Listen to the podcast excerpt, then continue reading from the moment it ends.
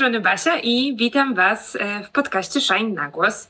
Dzisiaj jest ze mną super gościni Aleksandra Młynarczyk-Gemza. Cześć wszystkim.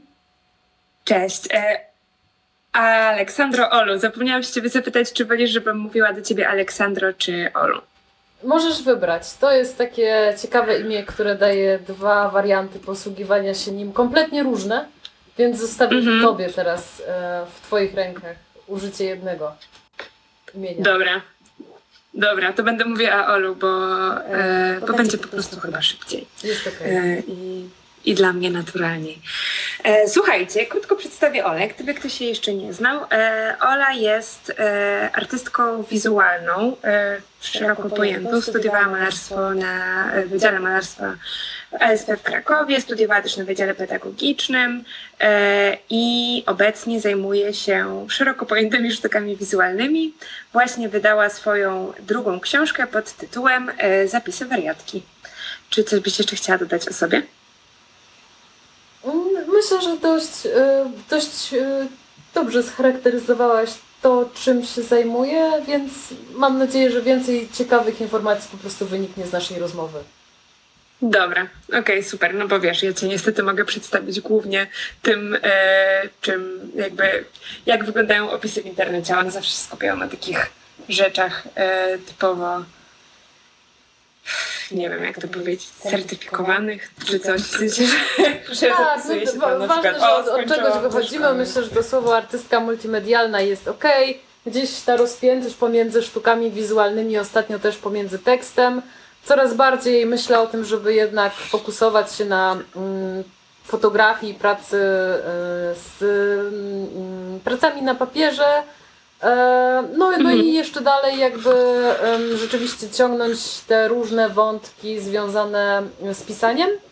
E, ale miałam takie lata wcześniej, gdzie bardzo dużo eksperymentowałam rzeczywiście z różnymi mediami, od performance'u przez sound art, przez e, wideo, ale coraz bardziej zdaję sobie sprawę, że jakoś tak mm, potrzebuję Mm, też zadbać o to, żeby technicznie e, zapanować nad różnymi e, dziedzinami, więc myślę, że tutaj akurat na przykład fotografia jest taką sferą, w której można, mm, można się rozwijać, jakoś uważniej pracować.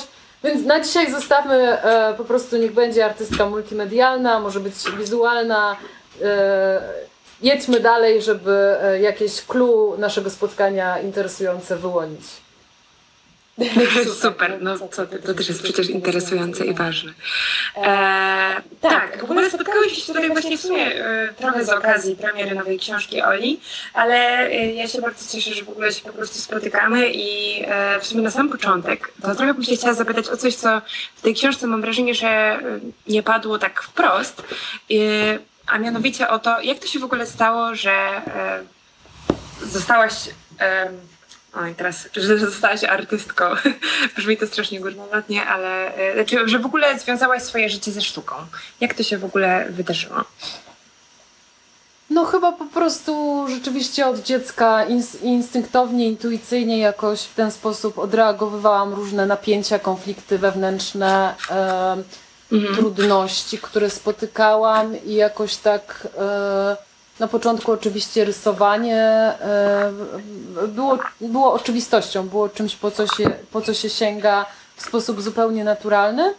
Mm, mhm. A mm, e, następnie, następnie już jako dziesięciolatka właśnie zaczęłam prowadzić dzienniki i dość, dość regularnie mhm. przez kilka lat, właściwie prawie każdego dnia robiłam takie notatki, które na początku może były bardziej sprawozdaniem z rzeczywistości, ale stopniowo tam zaczynały pojawiać się e, coraz dłuższe fragmenty, gdzie skupiałam się jednak na, na swoim życiu wewnętrznym, na emocjach, e, więc ta rozpiętość między obrazem a tekstem e, była ze mną już od najmłodszych lat. E, później jako nastolatka e, poznałam też przyjaciółkę, z którą wspólnie eksplorowałyśmy e, właśnie e, różne e, możliwości tego medium wizualnego E, to znaczy na przykład przemieszczałyśmy się zawsze z jakimś szkicownikiem, robiłyśmy sobie długie mhm. przystanki na ławkach w parku i szkicowałyśmy staruszki, które akurat usiadły naprzeciwko. E, miałyśmy też takie e, jakieś wypady z analogowymi aparatami. Więc um, gdzieś, gdzieś wtedy zaczęło się to tak um, jakby jeszcze mocniej um, konstruować. Taka świadomość jakby że tym właśnie chcę się zajmować. Było też po drodze dużo fascynacji innymi artystami. E, dobrze pamiętam e, właśnie postać Witkacego, która też jako taka osoba, osobowość e, w sztuce, która zajmowała się różnymi dziedzinami przez teatr, filozofię, pisarstwo, sztuki wizualne, fotografię, jakby była takim mhm. pierwszym archetypem fascynacji. E, później też e, zaczęłam się interesować w ogóle innymi jakimiś stanami umysłu, stanami świadomości, też takie e, po, poczynia, poczyniłam jakieś drobne próby eksperymentowania z substancjami psychoaktywnymi, ale też jakby tak właśnie myśląc cały czas o Witkacym, próbowałam mhm. chwycić na przykład E, jak e, tego typu, typu zabiegi będą wpływały na moje, mm, moje rysunki. No natomiast oczywiście okazało się, że to e, mogło też mieć skutki uboczne, bardzo poważne, bo, no bo wiadomo, że w młodym wieku stosowanie choćby palenia marihuany jakby jest potencjalnie ryzykowne, jeśli chodzi o konsekwencje tego, że może to do, doprowadzić do psychozy, co u mnie właśnie no było bardzo możliwe, że właśnie tak się stało. No, ale, ale jak zapytałaś właśnie, jak ta sztuka się zaczęła, to, to, to mniej więcej tędy, tędy ta droga e, się gdzieś e, ujawniała. E, później, mając 19 lat, właśnie dostałam pierwszego epizodu psychozy, więc na chwilę też po, poprzez późniejszą depresję psychotyczną byłam w ogóle wyłączona z rzeczywistości. Mhm. Ale gdzieś tam zregenerowałam się, odgrzebałam teczkę prac którą miałam. E, I, I, postanowiłam e, spróbować właśnie dostać się na studia, e, na studia mm, związane z, z, z zajmowaniem się obszarem wizualnym. Okej, okay. okej, okay, rozumiem. Eee... A powiedz mi, jak ci właśnie jest w tym świecie sztuki teraz, jakby jak już się na niego zdecydowałaś? E, I zarówno, znaczy, y, zastanawia mnie to zarówno w kontekście tak po prostu, jak się w nim masz, e, na zasadzie takim, że to, ja trochę też w tym świecie jestem, więc jakby mam serię różnych swoich przemyśleń na ten temat i myślę, że na pewno nie jest to świat łatwy, ale e, też trochę jestem ciekawa, jak się masz w nim w kontekście właśnie i swojej diagnozy i właśnie tego, że, że jednak, no myślę, że różne rzeczy o świecie artystycznym można powiedzieć, ale na pewno nie jest on jakiś bardzo stabilny e, i też jest taki, no nie wiem, ja bym go nazwała, nie wiem, czy się ze mną zgodzisz, że e, potrafi bardzo zatrzeć granice pomiędzy tym, co się robi jakby, nie wiem, zawodowo albo tam naukowo, cokolwiek, z tym, co się po prostu dzieje wewnętrznie w tobie, e, we mnie, w sensie, że w człowieku. I zastanawiam się właśnie, jak się w nim masz. E, tak, zgadzy, z, zgadzam się z Tobą, że tutaj jakby to um, spotkanie tego, co prywatne, a co publiczne jest e, cały czas obecne i właściwie e, pracuje się ciągle na styku e, tych dwóch sfer. Ja dość długo uczyłam się w ogóle mówić o sobie jako artystka, bo wiadomo, tam skończyłam studia magisterskie na Akademii Sztuk Pięknych w Krakowie ale mhm. ciągle wydawało mi się, że jest coś takiego jakby na wyrost w takim e, nazywaniu się w ten sposób. Oczywiście e, bardzo chciałam być artystką i móc tak o sobie mówić, ale przez długi czas coś sprawiało, że nie miałam takiego wewnętrznego przyzwolenia. No bo zdawałam sobie sprawę, że jakby wszędzie jest pełno osób, które e, mają więcej wystaw, więcej pracują, więcej publikują, czy w ogóle to robią. Mhm. I że w ogóle to, to moje, e, to, że ja wewnętrznie czuję się artystką, czy o sobie to wiem, że to jakby może nie do końca jest adekwatne do tego, żeby w ten sposób się tytułować i gdzieś miałam taki lęk, e, lęk, że nie mogę.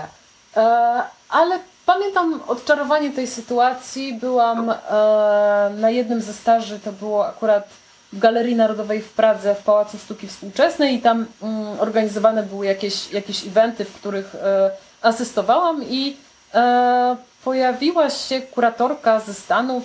E, jeśli dobrze pamiętam, właśnie jakoś tak o nazwisku Gold, co tak e, sy, symboliczne było dla mnie wówczas i ona zadała mi to pytanie, no a kim ty jesteś, czy ty jesteś artystką? I ja jej o tym swoim lęku gdzieś powiedziałam, a to Mhm. powiedziała, nie, nie, nie, absolutnie nie możesz w ten sposób myśleć, po prostu jeżeli, e, jeżeli chcesz, to, to się tak nazywasz i to jest w twoich rękach, masz prawo, masz prawo się tak nazywać, masz prawo sięgać po to, co, co twoje. I gdzieś od tego Mhm. momentu, to był rok, e, początek 2016, rzeczywiście jakoś tak ośmieliłam się e, mm, w tym zakresie myśleć o sobie. Może to też Mhm. wynika z tego, że od zawsze miałam jakby takie wysokie wymagania wobec osoby artysty. Dla mnie e, to jest taka sylwetka nie tylko kogoś, kto e, prezentuje swoje prace publicznie i dzięki nim na przykład e, generuje jakieś e, zyski i Mhm. środki finansowe, ale też e, ktoś, kto ma jakąś bardzo specyficzną postawę światopoglądową, postawę jakby e, moralną, że, że, że jakby to bycie artystą, artystką to bardziej jest taki świadomy wybór i droga tego, czym się człowiek zajmuje. Em, taką Mhm. figurą znowu archetypową em, dla mnie e, wyznaczającą właśnie taki tor myślenia o, o sztuce i o funkcji artystki. E, To jest oczywiście Marina Abramowicz, która też już jakby Mm. na początku właśnie, kiedy zaczęłam e, studiować, była dla mnie niezwykle ważna. Także przez to, że gdzieś poprzez swoje działania i performance przede wszystkim dochodziła do granic, ale też transformowała dużo cierpienia, które gdzieś tam na, e, mm, przypadło jej w, w udziale na wczesnym etapie życia. Em, to, to tak, ale też bardzo ważnym momentem było trochę przypadkowe, trochę losowe, e, a może właśnie nie, ale, ale, ale e, zaistniała taka sytuacja, że zaraz po studiach magisterskich trafiłam e, do pracy w Fundacji Razem Pamodża e, w Hmm. Krakowie, mm, która e, bardzo mocno zajmowała się sztuką współczesną i prowadziła Mhm. galerię, e, wówczas ta galeria się nazywała Księgarnia Wystawa. I oni organizowali naprawdę niesamowite wystawy i mieli kontakt e, z fascynującymi e, artystami, artystkami, nie tylko polskimi, ale również e, zagranicznymi. No i to obsługiwanie tego miejsca w Krakowie na ulicy Józefińskiej na Podgórzu było dla mnie niezwykle takim intensywnym, ciekawym, ważnym, istotnym, przyspieszonym kursem w ogóle przyglądania się zjawisku, jakim jest sztuka współczesna, tego jak się w tym Mhm. funkcjonuje, jakie różnorodne postawy artystyczne też e, prezentowane są przez e, właśnie artystów, jak oni się zachowują, jak to środowisko wygląda.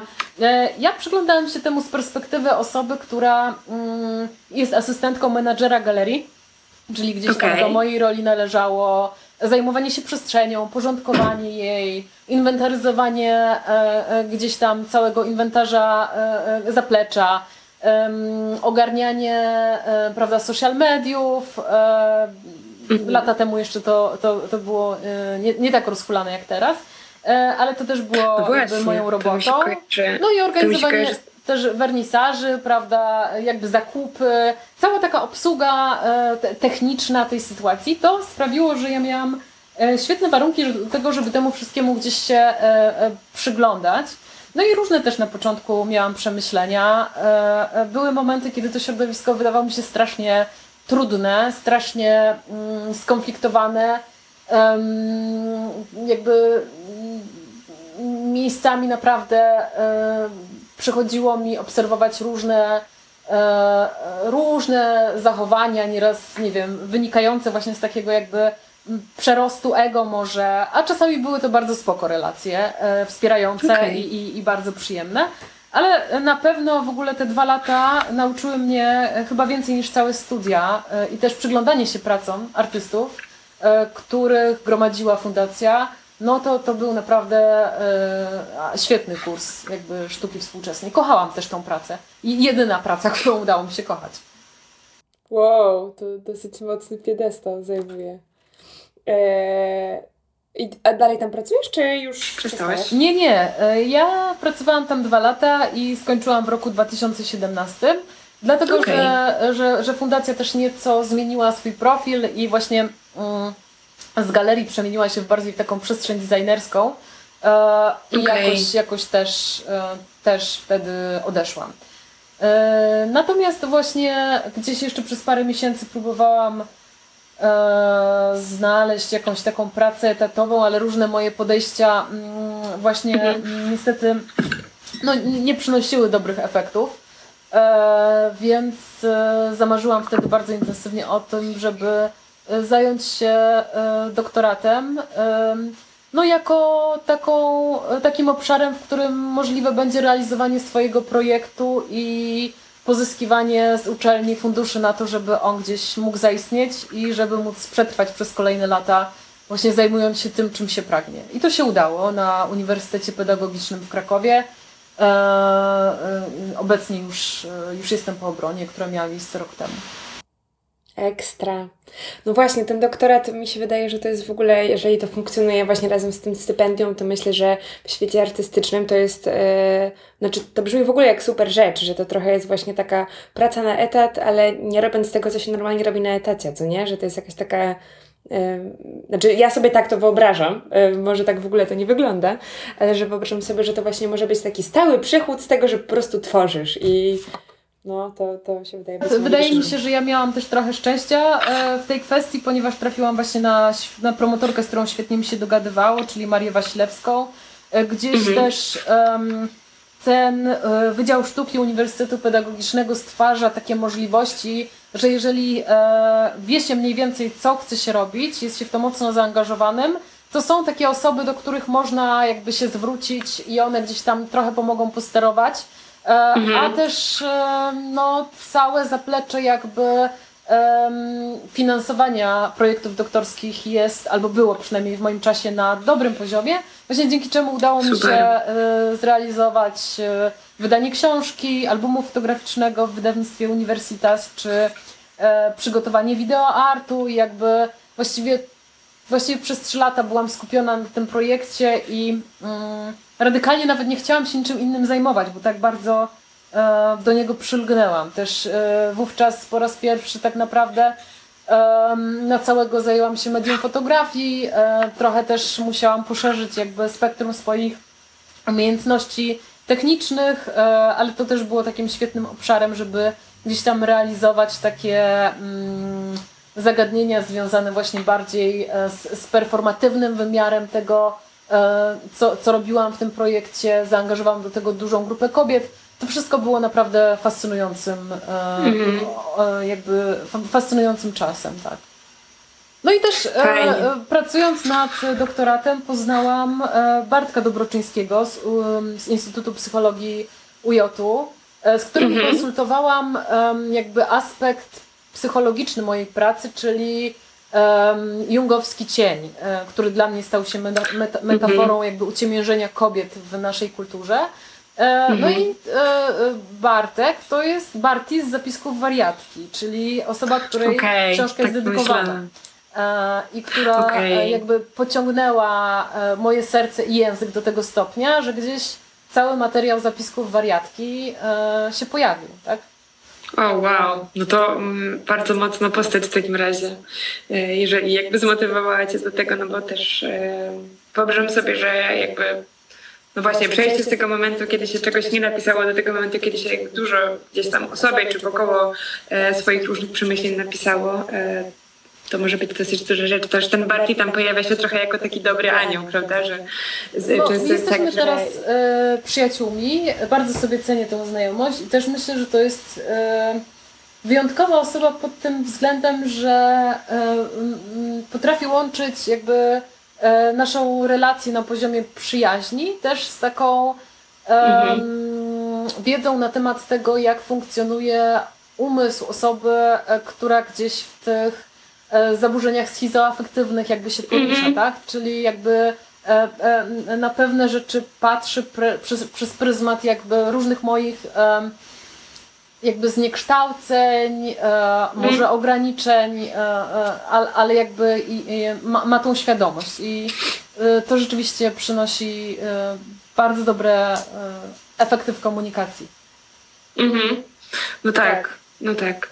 E, Powiedziałeś że ograniczenia, przepraszam, ale nie wiem, może ze względu e, na to, że sama się tą psychologią interesuję, a może na to, że jakby mam i sama wielu różnych przyjaciół z różnymi diagnozami, to zawsze mam takie poczucie, że mi się taki alert włącza na zasadzie, no nie, po prostu ktoś inaczej patrzy na świat i się mierzy z różnymi innymi rzeczami. Tak, ale myślę, że w takim wymiarze społecznego funkcjonowania jednak em, taka e, różność, inność generuje pewne e, no, problemy, chociażby to, że ja muszę być cały czas, e, cały czas muszę przyjmować leki.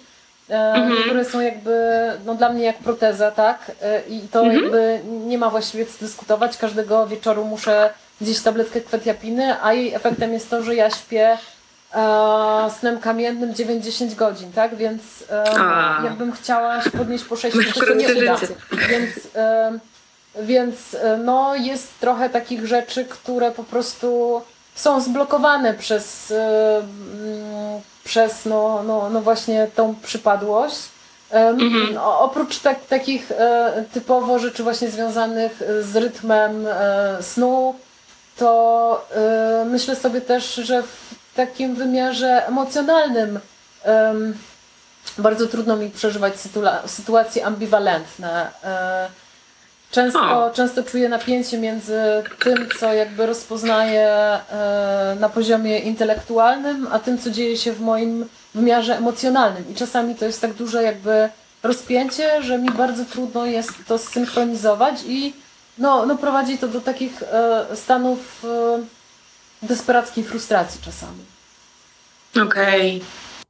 Okej, nie, znaczy y, też, żeby- to może nie zabrzmiało ym, tak, że nie chodziło mi absolutnie o to, że jakby o Jezu, nawet jak ludzie mają jakieś różne diagnozy psychologiczne, to przecież wszyscy jesteśmy ludźmi i w ogóle e, nie powinno się na to zwracać uwagi, bo nie, znaczy absolutnie też jakby wyobrażam sobie, że z wieloma zaburzeniami trochę jest tak, że e, no naprawdę trzeba mieć mocną wiedzę y, na temat jakiejś tam natury tego zaburzenia y, czy innych takich rzeczy, żeby w ogóle móc jakby zrozumieć, co ta druga osoba y, robi, dlaczego to robi, dlaczego jakby, nie wiem, przerażają coś, co nas w ogóle nie przeraża, albo nie wiem, w przypadku jakichś, nie wiem, może bardziej kompulsywnych rzeczy, to nie chodzi o nawet o lęk, tylko jakieś takie po prostu za, zachowania, więc to na pewno nie o, nie o to mi chodziło, tylko że właśnie o to, gdzie, że gdzieś tam wyobrażam sobie, że taki, że w utopijnym świecie fajnie by było, żeby jakby właśnie w ogóle trochę nie funkcjonowało to, e, to że na przykład jakieś, nie wiem, rzeczy są zaburzone. e, Tak w kontekście sp- sp- społecznym, tylko że po prostu one są inne. Ale to już trochę e, odleciałam w tym. A wiesz co, chciałam Cię jeszcze, Olo, poprosić, czy mogłabyś, bo też wydaje mi się, że w ogóle schizofrenia jest trochę taką chorobą, znaczy chorobą, Jezu, no i sama teraz to powiedziałam, nie wiem, to jest zaburzenie, a, jest chorobą. A, no to okej. No to jest e, chorobą, która e, jest w sumie w takim e, ogólnym pojem, mm, sp, postrzeganiu społecznym stosunkowo mało znana i taka bardzo jakaś za. E, Nie wiem, przynajmniej mi się zawsze kojarzyło to, że to jest po prostu, że się mówi o kimś, że ktoś słyszy głosy i, i że to jest jakiś taki bardzo horror, horrorowy obraz tej schizofrenii się przedstawia e, w jakiejś takiej kulturze czy coś. Jakbyś mogła opowiedzieć e, jakby swoimi słowami, jakby na czym w ogóle ta choroba polega? Mm, Trudno mi opowiedzieć tak generalnie, na czym ona polega, bo bardzo różne są warianty tego, jak ludzie jej doświadczają. E, Mhm. Tak często mój psychiatra mnie przestrzega właśnie przed tym, że, e, że żeby myśleć, że jest jakiś taki jeden klasyczny obraz schizofrenii i raczej przypomina mi, że obecnie to oni w ogóle w psychiatrii gdzieś dążą do takiego myślenia, że to jest po prostu każdy chorujący pacjent to właściwie ma inną chorobę, którą się tylko wkłada do takiego wspólnego wora tego, e, czym niby Okej. jest schizofrenia, że to jest takie dość umowne. I y, też no, bardzo różnie ludzie reagują na leki, także u niektórych i tak jak u mnie y, udaje się y, tak zrobić, że można mieć pełne remisje, czyli kiedy nie ma epizodu, to właściwie nie ma żadnych takich wyraźnych objawów y, choroby, nie ma objawów wytwórczych. E, Natomiast no, są osoby, które nie mogą, mimo leków, jakby nie, nie dochodzą do takiego momentu i mimo tego, że właśnie przyjmują neuroleptyki, to cały czas mają jakieś objawy wytwórcze, czyli że coś tam dodatkowo się im wydaje, mają jakieś Mhm. urojenia. Mm, Też e, no, u mnie Jeszcze ja tylko może to trochę z perspektywy osoby, która nie siedzi w tym tak bardzo jak ty, y, to że chodzi o to, że są te objawy pozytywne i negatywne, tak? Czyli że pozytywne i te wytwórcze, to znaczy, że jakby wszystkie te rzeczy, które nam się kojarzą z tym, że jest coś, czego nie ma i te takie y, negatywne, czy nie wiem jak one się nazywają, hamujące, czy, czy Tak, jakoś, to- to które chyba te wszystkie. wyciszają, tak? Negatywne to właśnie chyba te, te wszystkie, które e, gdzieś tam wpływają na to, że jest się trochę wycofanym z funkcjonowania, e, z, z możliwości komunikacji z ludźmi, że gdzieś e, czuje się taką izolację. Nie wiem na ile to jest też wynikiem właśnie samej choroby, a na ile stygmatyzacji, którą niesie za sobą ta diagnoza.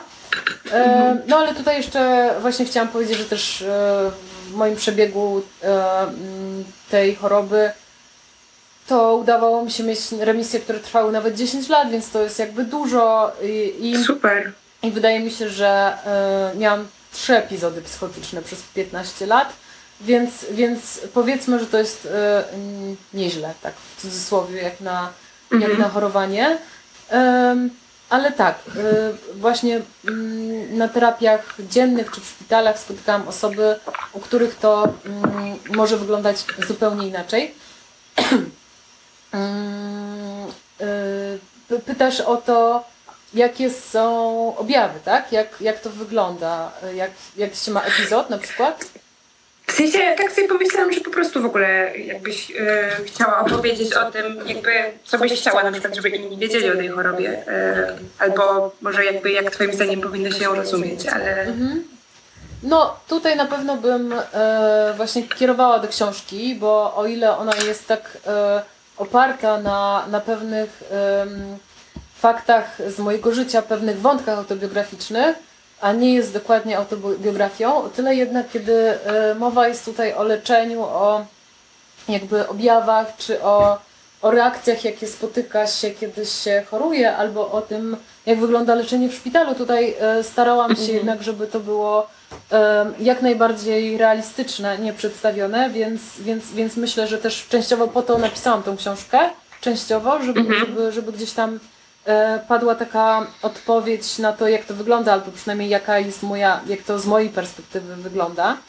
Mhm. Em, mm, Są też e, różnice w tym, jak ludzie wpadają w e, psychozę, bo zdarza się tak, że to jest taki proces, e, który zajmuje, nie wiem, e, tygodnie, miesiące, kiedy po prostu Mhm. osoba gdzieś powoli zaczyna jakby być coraz bardziej stopniowo odklejona od rzeczywistości i Mhm. zauważają to jej znajomi, ona sama też potrafi jakby zauważyć, że coś powoli zaczyna się dziać i często może w tym czasie się udać do terapeuty, czy spytać tych swoich bliskich, czy coś rzeczywiście się dzieje. E, Mhm. I może na przykład z lekarzem zdecydować o tym, że no to teraz podniosą sobie, e, po- podniesie się dawki leków. E, Natomiast e, no właśnie drugi sposób i ten niestety tutaj, e, który mi przypada w udziale, to jest taki, że rozwój psychozy jest bardzo szybki i zajmuje mm, no powiedzmy kilka dni, tak? I wtedy już, e, Mm. już dzieje się to jak lawina i właściwie ja te, przez te za każdym razem przez te trzy sytuacje epizodów, które mnie spotkały, jakby nie byłam w stanie wychwycić tego, że coś, coś się dzieje. I, I to rzeczywiście się działo e, po prostu z dnia na dzień, z godziny na godzinę, tak? Takie, Mhm. e, takie przejście od, od świata po prostu e, powiedzmy w miarę realistycznego do nagle mm, tego, że on się zaczyna robić coraz bardziej e, surrealistyczny, coraz bardziej jak z filmu, coraz bardziej jak ze snu, tak? I że, że, Mhm. że, że ta lo- logika e, gdzieś dnia codziennego coraz bardziej e, z tego wszystkiego umyka. No tak. D- Znaczy, o Jezu, powiedziałbym tak. E, Okej, e, e, absolutnie się zgadzam z tym, że, z tym, że jakby Ta książka e, bardzo ta książka dobrze bardzo dobrze przeprowadza, e, czy przez, przez właśnie jakieś takie poczucie e, jakby trochę bycia w takim stanie psychotycznym. Wiesz, moja e, taka główna rzecz, która mi się w ogóle rzuciła e, jakoś tak e, na myśl, czytając tę książkę, to było to, że właściwie, i też może stąd trochę jest moje pytanie, że czasami bardzo ciężko było jakby odróżnić, co jest naprawdę, co nie jest naprawdę. I to się działo jakby i w takich momentach, które jakby ewidentnie miały takie trochę zagraniczenie, jakby faktycznie mogły być takim momentem, jak to nazwałaś, bardziej psychotycznym i często w tej książce też potem się kończyły jakąś na przykład e, interwencją w szpitalu, ale też mam wrażenie, że jakby to wszystko, co jest pomiędzy, gdzieś tam też e, jakby że, że psychozy były na tyle spójne z takim normalnym myśleniem, że jakby absolutnie gdzieś tam rozumiem to, że one mogły tak chodzić e, niezauważalnie. Mm. No, też, y, też, też, też trzeba chyba wziąć pod uwagę, że książka jest jednak dla mnie właśnie e, jakąś taką artystyczną formą wyrazu, czyli Mhm. mm, oprócz tego, że gdzieś mierzę się z tym tematem e, coming outu, to jednak Mhm. traktuję to używanie słów i gdzieś pracę z tekstem także na, mm, jak, jako taki wymiar pracy po prostu z rytmem, z brzmieniem, z tempem, Mhm. z obrazem, e, z kreacją jakby kolejnych scen. Mam też wrażenie, że może trochę mm, tego, czego nauczyłam się w sztukach wizualnych, ale albo to po prostu, że długo e, obcowałam z, z obrazem, e, że może trochę to też przekładam na słowa.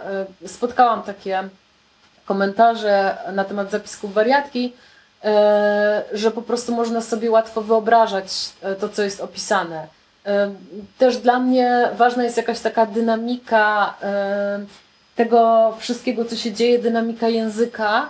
I mm, znowu myślę sobie w ten sposób, że kiedy posługiwałam się e, medium takim jak rysunek, e, rysunek komiksowy, powiedzmy dawniej malarstwo, to dążyłam do jakby na, na, naturalnym dla mnie było takie Mhm. bardzo ekspresyjne budowanie form, e, Mhm. ekspresyjne jakby em, dobieranie kolorów, e, mocne kontrasty, e, mocne kontury. I wydaje mi się, że Mhm. trochę e, z tego samego języka, tylko właśnie w innym medium, w medium tekstu, w medium Aha. języka, e, jakby przełożyło się na e, zapiski wariatki. Stąd nie jest to opowieść jakby tylko o chorobie. To jest też dużym stopniu po prostu e, wyraz jakiegoś takiego artystycznego wołania e, głosu, e, który chyba najpierw właśnie gdzieś we mnie się rozhulał, a później sięgnął po ten temat, temat własnej choroby. Wydaje mi się, że Mhm. też e, tym, co mocno pomogło mi jakby skontaktować się z tym moim wewnętrznym głosem, to właśnie była praca nad doktoratem, gdzie współpracowałam z grupą kobiet e, po to, żeby odczarować myślenie o tym, co jest tabu, jeżeli chodzi o kobiecą e, seksualność, tożsamość, o kobiece myślenie o ciele, o kobiece kompleksy, o relacje z własnym wizerunkiem. E, I moim zamysłem było najpierw spotykanie się z poszczególnymi osobami dobieranymi na takiej zasadzie koleżeńskiej. Mhm. i, i właśnie rozma- rozmawianie tak, aby te tematy tabu zdekonstruować, a potem e, sięgałyśmy po ten e, e, po, po to medium jakby fotograficzne, robiłyś, robiłam e, sesję zdjęciową e, każdej z uczestniczek. I wydaje mi się, że to e, oddawanie głosu tym kobietom, z którymi pracowałam e, Mhm. i, i dekonstruowanie sfery tabu nagle wprost przełożyło się na te moje kolejne działania, czyli że w pewnym momencie poczułam, że, że naprawdę no jakby łamanie kulturowego wstydu jest okej i że skoro ja to robię z innymi osobami i w innych tematach, to właściwie też mogę zrobić to ze sobą i ze swoją historią, Mhm. która jest jakby najbardziej obarczona jednak e, wstydem chyba po prostu. Mm. O. A powiedz mi, a jak się właśnie w takim razie czujesz e, teraz jakby wiedząc, że e, gdzieś tam uzewnętrzniłaś się i, i to w ogóle jest w postaci książki, czyli czegoś, co jakby trochę e, jest w takim wolnym obiegu, w sensie, że w jakimś sensie e, po prostu ona wyszła w świat i teraz każdy może to przeczytać, wziąć i e, gdzieś tam dowiedzieć się o tym wszystkim, co tam jest w środku. E, Nie, czu- czuję się bardzo okej. Może przez moment e, gdzieś tam e, w okolicach, kiedy książka miała premierę, to miałam w sobie takie wahnięcie na, na zasadzie, czy pewne osoby nie rozpoznają siebie w bohaterach, co Aha. powie o mnie rodzina, skoro pewne wątki autobiograficzne czy relacyjne rzeczywiście jakby są zaczerpnięte z świata prawdziwego. Było trochę takiej niepewności, ale generalnie towarzyszyła mi taka świadomość, że ta historia tak bardzo chciała być opowiedziana, że Mhm. nie było dla niej innej opcji. I też napisanie zapisków wariatki zajęło mi tak naprawdę pół roku plus dwa miesiące może na dopisanie ostatniego rozdziału i gdzieś taką e, Wow. próbę e- edycji tego, co powstało. To Więc to był super taki- szybki czas. E, I, I miałam wrażenie, że ten tekst po prostu przeze mnie przechodził. Także, także mm, ta, ta historia na pewnym poziomie była już gotowa. E, Bardzo się cieszę, że to się udało. Jestem wdzięczna e, znakowi e, i, i w ogóle mm, sytuacji, że, że, że tak się złożyło, że gdzieś książka się spodobała, została przyjęta, została opublikowana w dużym wydawnictwie, w takim nakładzie, że w zasadzie jest dostępna dla każdego. Świetnie się z tym czuję. Myślę, że to takie moje, oprócz dok- doktoratu, naj, najbardziej jakiś taki zaawansowany projekt, z którego jestem gdzieś generalnie bardzo zadowolona. I y, chyba też było to takim umocnieniem w tym, że w ogóle pisanie jest dla mnie istotne, jest dla mnie ważne, jest dla mnie sposobem e, właśnie tego artystycznego wyrazu, który chcę e, kontynuować. I mm, na ten moment właśnie powoli pracuję nad kolejną rzeczą, e, która będzie różna już od tego, co powstało Mhm. ale, ale też gdyby nie zapiski, to, to nie chciałabym iść dalej. A teraz czuję, że, że tego bardzo pragnę i że, że mogę. Ekstra. Jezu, super jest w ogóle to słyszeć. E, No, No, też od razu mi się to trochę połączyło z tym, co powiedziałaś na samym początku w ogóle o roli artysty i trochę takim jakby jego światopoglądzie i zobacz jak płynnie to przyszło z tego, że jakby robiąc projekt o tabu, e, gdzieś tam poruszyłaś się jakby jakby tabu, tabu, które ty trochę możesz jakby wytłumaczyć też, no bo myślę, że jak w ogóle choroby psychiczne i, i jakieś takie różne e, trudności związane życiem, pomimo, z życiem, pomimo tego, że jakby coraz więcej się o tym mówi, no to dalej to tabu jest i, i że dalej możesz zobaczyć takie po prostu e, idiotyczne, nie wiem skąd wzięły te trendy, że nawet to, że wiesz, e, i i w chorobach psychicznych mam wrażenie, że niektóre są bardziej modne od innych, od innych i że można, nie wiem, można, nie wiem, mówić na głos o depresji, ale na przykład e, e, właśnie, nie wiem, może nie można mówić na głos o schizofrenii, albo że ludzie się tego boją. No, e, e, że, że ja myślę, że jakby dalej nie ma takiej naturalności i płynności i jakby ja na przykład uważam, że super, e, że taką książkę nagrała, e, e, napisałaś i ją wydałaś i e, no nie wiem, dla mnie właśnie zaraz e, po, to też rozmawiałyśmy o, o tym podcaście z Dorotą Kotas, przed e, nagrywaniem tego odcinka, ale miałam bardzo podobne odczucia, jak czytałam pierwszy raz e, i pustostany, i e, cukry, że gdzieś jakby strasznie się cieszę, że jakby w ogóle do takiego głosu literackiego dochodzą jakby przeróżne perspektywy i że jest jakaś taka e, chęć do szczerego dzielenia się tym, jak, jak świat może wyglądać e, z różnych perspektyw. I oczywiście wiem, że to nie jest nic nowego, bo gdzieś tam zawsze ludzie trochę to robili, też ciężko czasami po prostu ukryć e, to, że myśli się jak się myśli, ale mam wrażenie, że jakby taka szczerość, otwartość to jest coś, co jest super e, w dzisiejszych czasach i, i że też to widać zarówno po tym, że ludzie mają potrzebę tworzyć takie rzeczy, ale też jest całe grono odbiorców, które e, też jest spragnione tego, żeby, żeby to zobaczyć No właśnie i, też i poznać. Wspomniałaś o tym, że e, ciekawe w jaki sposób e, to zajmowanie się dekonstruowaniem tabu w projekcie w stronę integracji cienia kobiecy fotorytuał, który został wydany w 2021 przez Universitas. Jakby jak te wątki wpłynęły na później pracę z zapiskami wariatki. No właśnie tak, to jest rzeczywiście istotne, plus em, zapiski wariatki oprócz tego, że powstała książka, to e, powstał także cykl ilustracji do zapisków wariatki. E, Mhm. Ponieważ e, właśnie rok temu też udało mi się na ten projekt dostać stypendium twórcze miasta Krakowa w dziedzinie intermedia. I tam od początku założyłam, że właśnie chciałabym stworzyć tekst, ale także stworzyć ilustrację. I jako, że no właśnie gdzieś pracuję w tych sztukach wizualnych, to chciałam od razu, żeby one były osobnym zestawem prac, żeby były oryginały, nie przedruki w książce, tylko osobny Aha. zestaw e, zaprezentowany na wystawie, który będzie gdzieś korespondował e, z narracją, która jest e, w książce.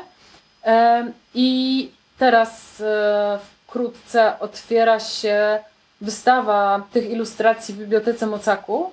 Mhm. I oprócz tego, że e, tak się stało, że rzeczywiście praca z obrazami fotograficznymi kobiet i rozmowy nasze odblokowały mnie w takiej kwestii mówienia o, wstyd, o rzeczach wstydliwych, od, oddawania Mhm. sobie głosu, to też e, widać to w tych ilustracjach, ponieważ em, to są takie właściwie podrysowywane kolaże i e, materiałem, który jakoś naturalnie zupełnie przyszło mi tam wykorzystać, są te odbitki e, robocze, które powstawały e, podczas, podczas pracy doktorskiej, czyli te portrety kobiet. I właśnie one są wprowadzone jako, jako, jako bohaterki e, Mhm. także do tego świata e, wizualnego. A, no to, e, to musi być w ogóle bardzo ciekawe zobaczyć tę wystawę i też jakby ze świadomością tego, że... do 7 kwietnia. e, Do A, 7 no to kwietnia. ekstra. W Krakowie Bibliotece. To ekstra. tak. Ekstra, ekstra. To ja na pewno przyjadę zobaczyć, bo y, jestem y, bardzo ciekawa też tego, że właśnie to trochę brzmi jakby to miała być opowieść, znaczy ta sama opowieść opo- opowiadana innym medium.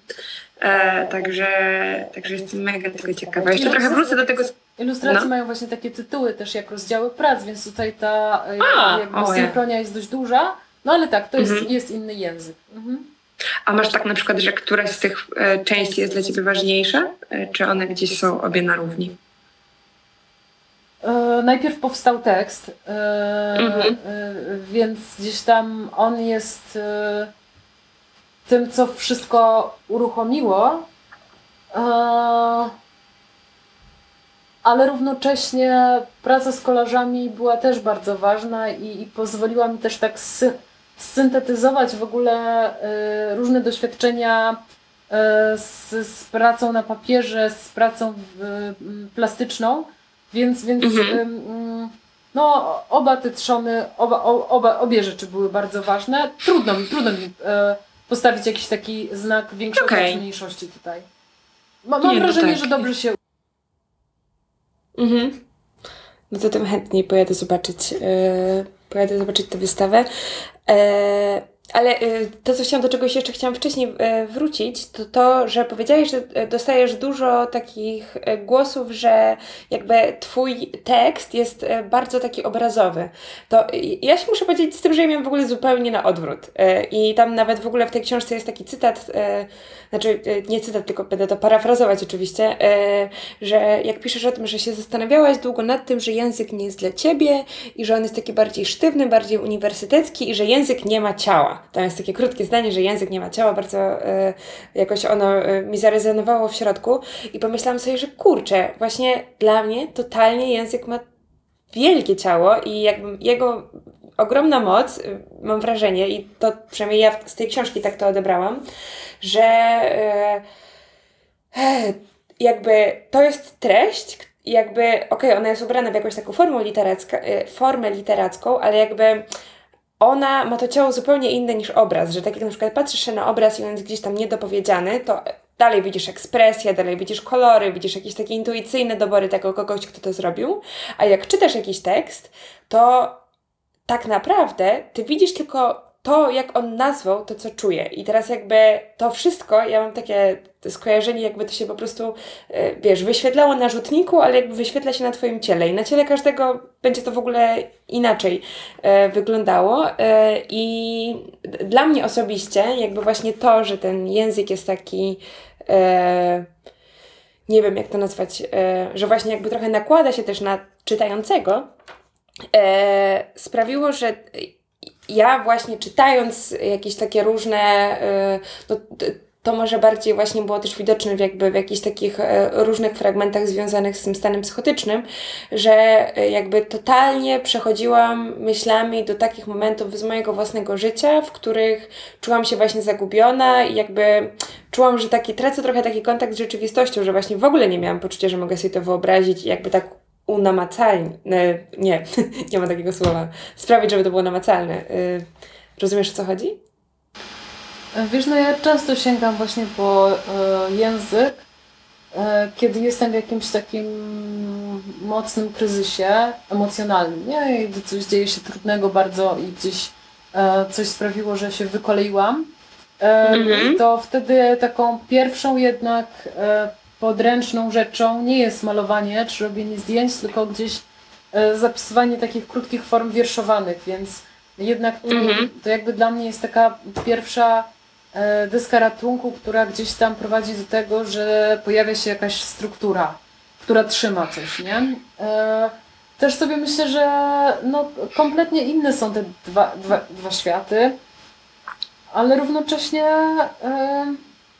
no, oba są mi potrzebne. Natomiast, e, no, no właśnie, z jednej strony, kiedy mówi się o obrazie, to tak, tam może więcej rzeczy może pozostać dwuznacznych, tak? Może. E, Mhm. Bo ja miałam takie poczucie, że przez wiele lat zajmując się czy to malowaniem obrazów, czy e, robieniem kolaży, czy też fotografią, że w jakiś sposób próbowałam w tym wszystkim komunikować to, co mi się stało, czyli jakieś takie e, bardzo trudne, graniczne, to co mi się przydarzyło jako choroba, graniczne stany umysłu, graniczne doświadczenia, jakby cierpienie i trud związany z tym, że gdzieś tam e, trafia się na to leczenie NFZ-owskie. Później, że się wychodzi z tej choroby, tak? Że jakby miałam wrażenie, że gdzieś to sygnalizuje, ale też równocześnie, że jestem w takiej bezpiecznej sferze obrazu, która pozwala Mhm. mi jedynie coś właśnie sugerować, tak? A nigdy nie powiedzieć wprost i to jest fajne, bezpieczne, przyjemne. Kto jakby ma wysoką wrażliwość i emocjonalność, od razu z tym zarezonuje i gdzieś to Tak. po, poczuje, tak? Ale równocześnie w pewnym momencie zabrakło mi tego, żeby powiedzieć wprost, żeby powiedzieć do końca, żeby tak jak można w języku e, nazwać rzeczy e, jeden do jeden, czyli właśnie schizofrenia, F20, diagnoza, kwetiapina, hydroksyzyna, psychiatra, e, epizod, szpital, strzykawki, uspokajacze, pasy, nie? Że, No. że, że to wszystko no tutaj już był jakiś taki lęk, że użycie tego tak dosłownie i konkretnie, nie wiem, sprowadzi na mnie jak zaklęcie coś, coś co, e, e, mm, że mi nie wolno, tak? Że mi nie wolno tego powiedzieć. E, Mhm. I jednak to był dla mnie ważny moment, kiedy sobie uzmysłowiłam, że wolno. Em, więc tak, tak o tych dwóch światach, języka i, i obrazu. Em, ale też myślę sobie, że jest coś magicznego w tym, że mm, obraz e, niby taki e, wieloznaczny, taki nie do końca jednoznaczny, właśnie to, mm, to pozostawia e, coś takiego, że od razu, od razu go widzimy, od razu jest, tak? Natomiast Aha. słowo po prostu jest jakimś kodem tak naprawdę tego języka, dopóki ktoś go nie odczyta, to tego nie ma. Więc e, No tak. to, to wszystko też, e, żeby się pojawiło, to, to musi zaistnieć ten proces, e, proces przeczytania, no bo sama książka to jest po prostu e, płaski prostopadłościan, tak? Gdzieś tam e, za, zapisany jakimiś literami. Tak. I jakby on sam No. w sobie w ogóle nie jest czytelny, dopóki nie zacznie się go jakoś tam odszyfrowywać. Także to, to jakby jest też niesamowite. Plus też może ważne, że jednak właśnie każdy go też odszyfrowuje, odczytuje już mając różne e, swoje jakości, swoją osobowość, tak? Czyli to też e, nigdy nie jest ten sam tekst, prawda? W zależności od czytelnika on też Tak. pulsuje. Tak, dokładnie, no bo to też jest trochę tak, że y, jakby to słowo w książce trochę bardziej trwa w czasie niż obraz. W sensie, że de facto jakby można z obrazu zrobić taki sam zestaw kodów, tylko jeżeli chodzi o obrazy malowane, to nie wiem, trzeba było mieć jakieś hektary wolnych galerii, żeby móc y, przenosić tak jak słowo po słowie. No i też właśnie jednak jest tak, że książkę po prostu bierzesz i czytasz, no nie? I że jakby przechodzisz przez te rzeczy i czasami nie wiem, czy ty też tak masz, ale ja czasami mam takie poczucie, że właśnie jakby każdemu trochę inne zdanie zostaje w głowie i też dzięki temu trochę każdy inaczej jakby inne sobie robi tam pauzy, takie wewnętrzne, w sensie, że to nie chodzi oczywiście o takie realne pauzy, że przestaje czytać, bo chce mu się siku i idzie siku, tylko e, takie po prostu, że jakby ten tekst sobie leci i on tak jakby, a, a, i tak się, tak jeszcze się odbija w ciągu tej głowy, tylko tak już trochę nieświadomie i że potem jakby inne wątki się ze sobą łączą, że jakby jest jakiś taki też prywatny system e, tego zapamiętywania jakichś różnych kolejnych rzeczy, że to też jest e, dosyć ciekawe. Ale tutaj do prac wizualnych chyba też to w pewien sposób się jednak e, stosuje, bo lubię takie, tak, takie zdanie, które już dawno, dawno temu usłyszałam, że po prostu dzieło sztuki żyje też poza artystą, tak? Że ono w pewien sposób jest e, st- stworzone oczywiście przez, przez autora, ale Mhm. jednocześnie później spotykając się właśnie z widzami czy z kontekstami, które się pojawiają, nabiera nowych treści i one wszystkie są ok, one wszystkie są z nim. To też, też lubię to myślenie. Też jeszcze Tak, może taka prawda. jedna rzecz odnośnie właśnie mm, słowa, a, a, obra- a odnośnie obrazu, to no długo mi się wydawało, że słowa to tak właśnie nas kontaktują e, z tym, co logiczne, e, z tym, co racjonalne, z tym, co. z tą półkulą mózgową, tak, która odpowiada za, za te wszystkie e, intelektualne procesy. Natomiast, e, że obrazy mają. No to jest taką- chyba trochę mit. na, natomiast tak mi się wydawało, że obrazy mają taką moc gdzieś mm, szybkiego e, zahaczania się w rzeczach, które gdzieś funkcjonują w naszej podświadomości czy, czy, czy w nieświadomości. Em, Mhm. Nie wiem, czy nic. Y, Muszę jeszcze trochę czasu na to poświęcić, żeby znaleźć odpowiedź. Mhm. Nie, nie, ja powiedziałam, że mit, y, że tą półkulą, że wydaje mi się, że to chyba nie ma czegoś takiego, że w sensie, że ten, ten mit na to, że jest jedna półkula logiczna, a druga kreatywna, to, to że to jest chyba dosyć duże uproszczenie, ale to w sumie nie było takie ważne w ogóle, ale nie, nie, czy ja się zgadzam z tym jak najbardziej, chociaż też myślę, że tekst tekstowi nierówny i że tak samo obraz obrazowi nierówny, że są takie obrazy, które są tak wprost, że że tam naprawdę nie ma jakiegoś procesu takiego bardzo wychodzącego poza zidentyfikowanie danego obiektu.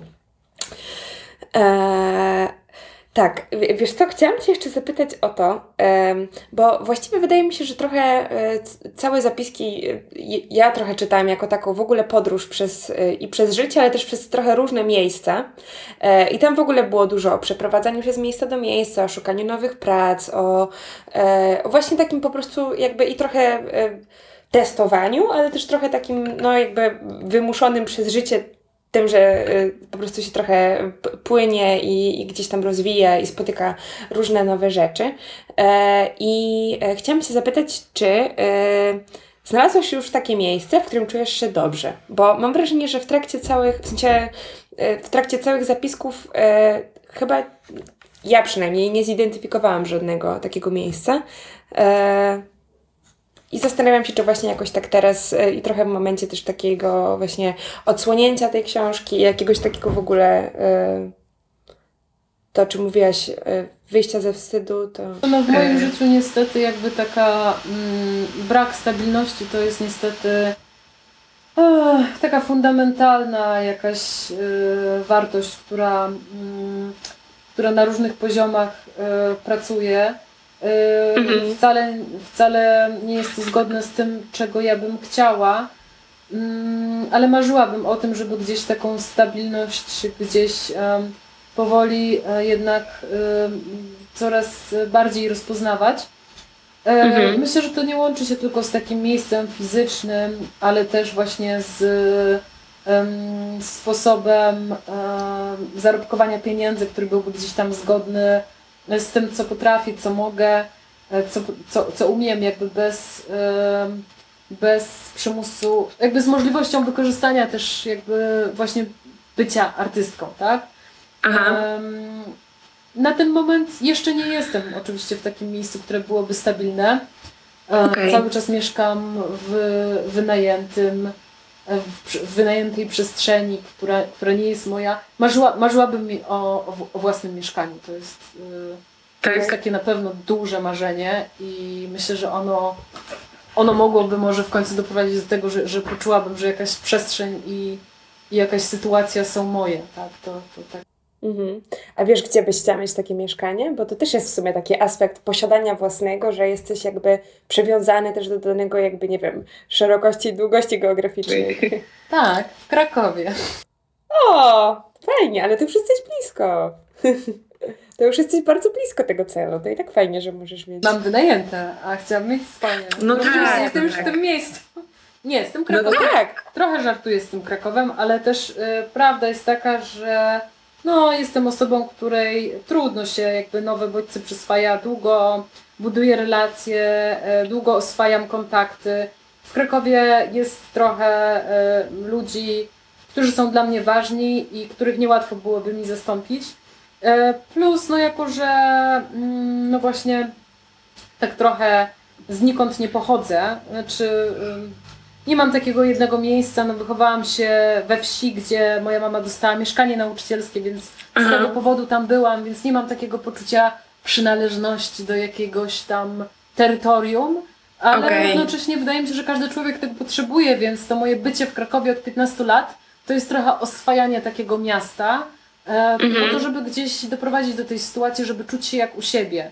Więc Mhm. gdybym na początku miała startować i miałabym powiedzieć, czy wybiorę do tego Kraków, Berlin czy Pragę, to na pewno bym Aha. się zastanowiła nad tymi innymi opcjami albo nad jeszcze innymi. Ale ponieważ Mhm. jakby z pierwszego rzutu padło na Kraków i już tak długo jakoś gdzieś tutaj em, żyję z tymi różnymi wywrotkami, z tymi różnymi psychowami, Mhm. psychozami, leczeniami, szpitalami, jakby to, to mocno tutaj rzeczywiście wrosłam. A, jak, jak jeszcze sobie myślę o, o czymś, co jest takie moje, moje, to przychodzi mi do głowy, że właśnie, mm, bo ja tam pod żywcem się wychowałam e, i, i może nie mam takiego poczucia zrośnięcia z, z tą wsią, a jednak e, jest coś takiego, że czuję się mocno spojona z przyrodą, która tam e, jakby mm, występowała. Lubię Może Beskid Żywiecki jest taki piękny. Beskid Żywiecki. No jest dla mnie bardzo swojski. I też e, takim symbolem tego, co moje, to chyba jest halny. Halny, który jest e, e, tak, e, halny, no czy, czy ten, tak, wiejący tam wiatr, e, który po prostu e, no, ma taką moc doprowadzenia też do wielkiej destabilizacji psychicznej. A dla mnie on jest jakiś taki bardzo, bardzo znakiem takim rozpoznawczym, tak? Że, że dzieje się Aha. mocno, dużo, głęboko. E, Mhm. e, tak, tak, więc, więc to I też tak bardzo na poważnie mam wrażenie, no nie? Że jakby halny, że wiatr, dobra, różne są wiatry, ale jak ty słyszysz halny, to jest takie okej. To jest mocny wiatr. No, y, wydaje mi się, że on tak dobrze koresponduje z różnymi wewnętrznymi e, stanami, nie tylko tymi jakby miłymi, ale też tymi trudnymi, takimi o wielkiej amplitudzie e, rozdzielczości, natężeniu, e, które często mam w sobie, tak? E, Mhm. Nie no, to jest w ogóle bardzo obrazowe porównanie. W sensie, że jak powiedziałaś tylko, że halny, to ja się zaśmiałam, po prostu miałam takie okej, no tak, totalnie, totalnie mi, to zakliknęło z jakimś takim Ja obrazem, że teraz taki... zastanowiłam, bo właśnie mój chłopak mnie trenuje do tego, że halny to nie wieje tam skąd ja pochodzę, tylko że halny to wieje tam gdzie Zakopane i Tatry. Ja teraz się zastanowiłam w ogóle, czy ja mam prawo mówić, że tam w Beskidzie to halny. Ale ja byłam przyzwyczajona, że tak się mówi o tym wietrze, więc może... No Jezu, e, to tak jak z tym słowem artysta. Też Tak. myślę, że po prostu nie powinna się przejmować tym. Dobra, to... Zawsze ktoś sobie będzie to próbował przywłaszczać. Znaczy, e, jakby, sorry, powiedziałam to jakoś tak strasznie moralizatorsko. Chodziło mi po prostu o to, że mi się to z tym trochę skojarzyło, że, e, Czyli że właśnie taki, kto ma prawo mówić, że ma halny. Tak, no dobra, to super. No, to prawda. O Jezu, słuchaj, mam jeszcze do Ciebie e, dużo różnych pytań, ale widzę, że już zaraz przekroczymy magiczny próg tej godziny, więc... To E, już, tak? Powoli? Tak. No e, i, i myślę też, że jakby czasami się nie da wszystkiego zawrzeć we wszystkim, a ten Hal był takim super jakimś taką ładną klamrą. No, ja jeszcze sobie nawet zapisałam trochę, może żeby tylko wspomnieć o tym, bo na samym, na samym książku, e, na samym końcu książki jest taki piękny cytat o tym, e, że e, różne bóle i cierpienia są e, trochę jak pie- pieprzyk u Marilyn Monroe i że jak sos sojowy e, w jakimś tam daniu. I mi się to od razu bardzo skojarzyło właśnie tym, że jakby one trochę jakby urzeczywistniają dan, dane, daną postać, dane życie. I ja tylko chciałam się podzielić tym, że dla mnie jakby bardzo ta książka właśnie trochę o tym jest, o tym, że że jakby nie ma prawdziwego życia bez szczerości i jakby ta szczerość zawiera w sobie i te pozytywne i te negatywne momenty. Każdy ma swoje i też właśnie o różnej amplitudzie, ale że to jest myślę, że bardzo cenna myśl w ogóle i że niezależnie jakby od tego, jakby właśnie kim się jest, to fajnie jest o tym pamiętać. Tak, ten ostatni rozdział ma być takim mm, doświadczeniem takiej mini nirwany w samej sobie, tak? Czyli takiego pogodzenia się właśnie z tym, kim się jest, jak się wygląda, co się może, czego się nie może i to No. jest też taki rozdział e, przeciw lustrom i przeciw, e, przeciw selfie. To jest e, jakby przeciw Aha. obrazowi, przeciw, e, przeciw reprezentacji, a ku, ku ciału, ku środku, ku, ku czuciu. No. E, Tak, tak. Trudno to jest bardzo w dzisiejszych czasach, mam wrażenie, żeby jakby wprowadzić to w życie, no nie? E, No, chyba niemożliwe tak do końca. E, Może jedynie możliwe dla bardzo niektórych lub tych, którzy mogą sobie trochę tak e, odpoczywać właśnie poza, nie wiem, poza miastem, poza rytmem takiego zabieganego życia. Mhm.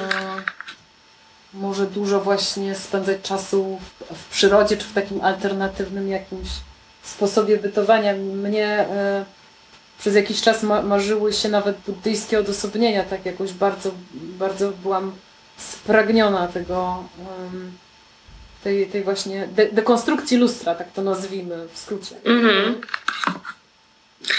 No. Magiczne. W sumie też to jest fajne, że jakby w tym samym momencie na, na Ziemi jakby są takie miejsca właśnie, no bo jakby gdzieś tam te oazy buddyjskie cały czas istnieją, no nie? Że to też jakoś może być taka fajna siła e, tego, że nawet jak się tam nie jest, to że po prostu świadomość tego, że one są i że jakby dalej są ludzie, którzy jakby żyją w taki sposób, też jest jakaś taka trochę uwalniająca. No, myślę, że, że tak. Ja e, przez e, trzy lata praktykowałam i, i nawet e, gdzieś tam e, przyjęłam schronienie, tak się, tak się chyba mówi w buddyzmie, ale mm, właśnie niestety to rozwalił mój epizod, e, który myślałam, że się nie pojawi, ale cztery lata temu się pojawił mój ostatni epizod psychotyczny, trafiłam do szpitala i od tego czasu no, straciłam taką wiarę w ten szlak medytacji. Mm, może jeszcze kiedyś to się dla mnie znowu otworzy, ale też wtedy pomyślałam, że jednak e, no, będę sobie załatwiać tam różne sprawy em, z obszarów, e, nie wiem, własnej e, duchowości, czy, czy, czy Mhm. jakiejś tam próby konstruowania tożsamości poprzez sztukę. Okej. Rozumiem. No dobrze, Olu, bardzo Ci dziękuję e, za tę rozmowę. bardzo, bardzo by była super i e, do zobaczenia. Dziękuję e, bardzo za zaproszenie. Cieszę się, że mogłyśmy trochę pogadać. Do zobaczenia.